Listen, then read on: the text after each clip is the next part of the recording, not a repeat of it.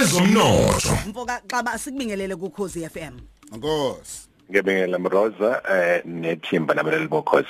Mm kuningi eh, eh, esike sakhuluma ngakho eh, kulenyanga. Sesiyiphetha nje siyiphetha kamnandi ke futhi kanti ke usuku olumnandi nawe eh, namhlanje. Eh, ngoba nje sisho sithi ke iAfrica Day ukuthi ke onke amazwe ala ezwenikazi laseAfrica akhuluma ulimo olulodwa lokubumbana lomnotho lwani lwani. Asiyazi ukuthi akuqali manje kuqala kudala. Siyokhumbula ngisho nabo oma uma Gaddafi babe yikhuluma le ndaba ukuthi haya kube necurrency eyodwa eh asiyimele thina njengeAfrica mhlambe eh kube ziningi izinto ababeyikhuluma ezazenza ukuthi eh bethi lona lo akame ngalapha ngakhona uma use Europe base Europe eAsia kanjalo nathi siyiAfrica singakwazi ukuyimela ngasodwana. Kuningi ke okuye kungeneke lapho. Mhlawumbe nje uma sibuka nje futhi la namhlanje ucabanga ukuthi ikupho kusalayo ikakhulukazi kuhulumeni nakubantu ke nje abangaphansi abaphethe uhulumeni?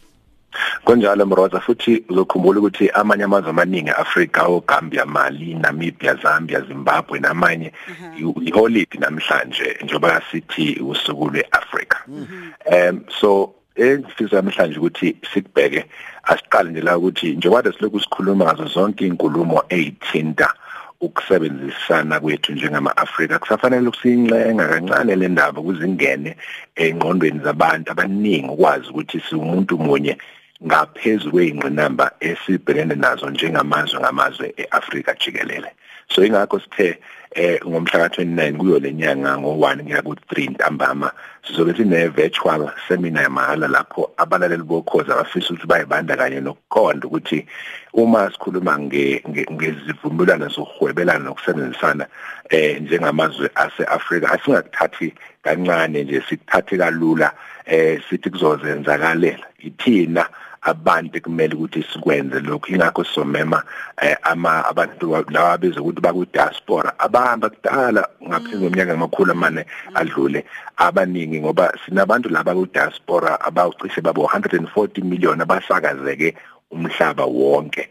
Eh ekufanele abamnyama ekufanele sibasebenzise labakhona ngoba ngeke sashintsha phela ukuthi umhlaba usuyile nto ekuthiwa i-globalized village eh global village. Kodwa fasi basebenzise ngobuchule nolwazi nokuhlakanipha abasuke bekutholile eindaweni ngokuhlukahlukana kwazo so besixoxa ke lokho ngolesihlanu ubuze nje into ebalekile ukuthi zimbili phela into esicela sikhuluma ngazo namhlanje ukuthi uhulumeni kulesi sikhathi izinto ekumele ukuthi ayiqaphele nathi thina nje bantu eh ngokujwayelekile ukuthi eh iAfrika inenkinga enkulu yalokho kubizwa ukuthi ama illicit financial flows imali eyiphumayo nje.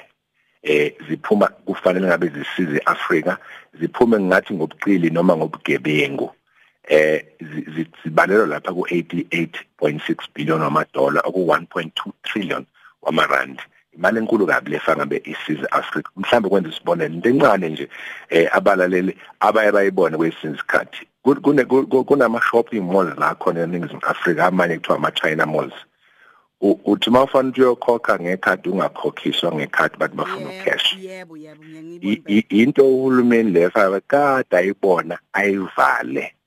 Ngoba lezo mali azikwazi ukuthi zibalelwe lapha kwaSARS ukuze zikwazi ukuyosiza abantu abahola impesheni laba sithola ukusizakala kanjalo. Ngoba kusho ukuthi umuntu uyawazi uyiqoqela imali nje ucash bese ihambela nayo ngandlela thizeni. Isifo lesi esikhulu esikhona.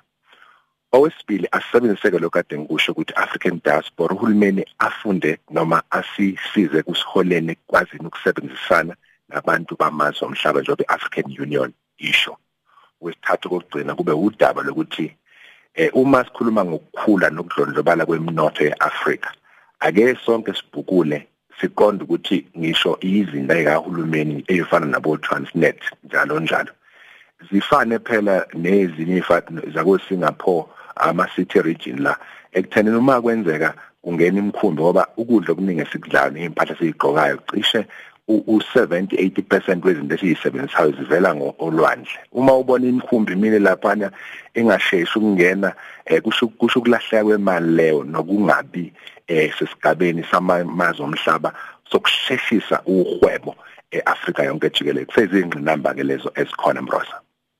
Ngiyabuka nje ukuthi njoba kade usho ukuthi eh ma- maningi kakhulu abantu abangama Africa abakumazwe ahlukahlukene eh siyokhumbula eh be- be- bethathwa eh behanjiswa babengathandi ngaleso sikhathi. Okhokho bethu bako America bako Europe bakuphi nakuphi ko Germany ko France kodwa manje khona amakhono asebenawo asebewatholile. Ubona ukuthi bangakwazi ukubuya nawo bazosilekelela ngawo la ukuthi sikwazi ukuphakamisa iAfrica bangabuya nawo mroza kakhulu. Kuze sikwazi futhi ukunqamula lolu khondo lolubi kunokhondo lolubi mroza njengala eNingizimu Afrika lapho uthole khona ukuthi uhlobo lwezimboni ezithile sis- sisezandleni zabantu abathile ngokobuhlanga. Uzwe kuthiwa lolu hlobo ngizokwenzela nje isibonelo lapha eGhana kunemindeni ya- yama-Lebanese yabantu abama-Lebanese okwaziwayo ukuthi ibona aba-own amahhotela kuphela. Noma ufika khona hambela khona uthola ukuthi hawu ama-Lebanese kuyaziwa nala eNingizimu Afrika kube kuthiwa abamhlophe noma amandiya a- a- akuyibona kuphela aba- abaqhoqhobela iminotho ethile sibe sikhona thina singama-Afrika singumtsinsi lapha ukuzimilela singa- singanawo amandla ukuthi singene kulezo nhlobo zemnotho. Lokho fanele sikunqamule ngoba yikho lo- lokhu phela kwenza ukuthi baqhubeke laba basuke befuna ukusicindezela ng- ngokohlelo lolu esilwaziyo lwencindezelo yezomnotho.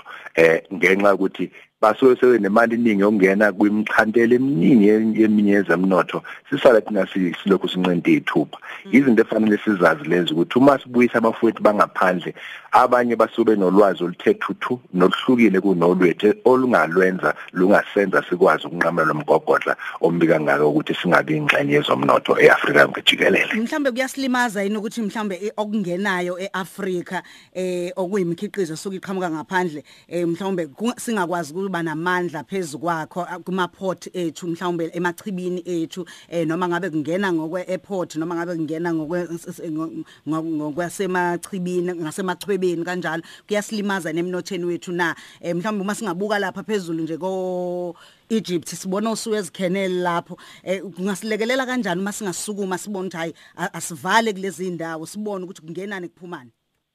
Ngicabanga ukuthi okokuqala uhwebo ngeke sithi liyasilimaza ngoba luyinto ebalekile vele amazwe omhlaba afanele lokho iqhubeka ehwebelana ngoba ilelo lizwe nalelo lizwe lisuke linokuthile elinye izwe elisuke lungenakho okubi kakhulu mroza kulokho okushoyo udaba ngizokwenza isibonelo nje olihambisana nokuthi ukudla esikuthengayo kusuka ngaphandle lapha eAfrika yonke jikelele kucishe kubalele ku50 billion dollars kusho ukuthi 750 billion amarandi ukudla esikuthenga kusuka ngaphandle kodwa sibe siyinsimi yase-Eden njengoba uchaza ngokwathiwa kumuntu wakhelwa khona lapha eAfrika. Sibe siyinsimi yase-Eden eh yomhlaba lapho kufaka bekukhiqiza ukudla sikhiphe sikusethina ngaphandle. Sigcina sesiodwa ukudla okuvela koJalimani emazweni ukuthi ahlale bandi isikhathi esiningi kodwa akwazi ukusebenzisa isikhashana sezinyanga ezine lapho ilanga lisuke lithe ga khona kodwa thina sinelanga elisikhona kusuka ngoJanuary kuze kuyophela uDecember kukuhle kufana eh ne- nensimu leyaseyideni kodwa sisebenzisa ukulima eh ezo ezohwebo ngendlela ekuyiyona. Eh iyona into efanele siyenzeke nokwazi ukukhiqiza izinto. Saya sakhuluma lolu hlelo uyakhumbula usigqemeza ukuthi lapha eDRC siye sihambele khona ba ba importer kumbe bathu ba order ngisho ama toothpicks ngaphandle eh ba ba order zonke izinto ngaphandle ngoba akumanufacturishwa kukhiqizwa. Into efanele siyenzeke eAfrika kukhiqiza yonke into ngaphakathi. Sibonga kakhulu eh, ngodi wezomnotho mnumzana Gugulethu Xaba. Mhlambe sikuthola lapho masifisa ukulandela singabalaleli.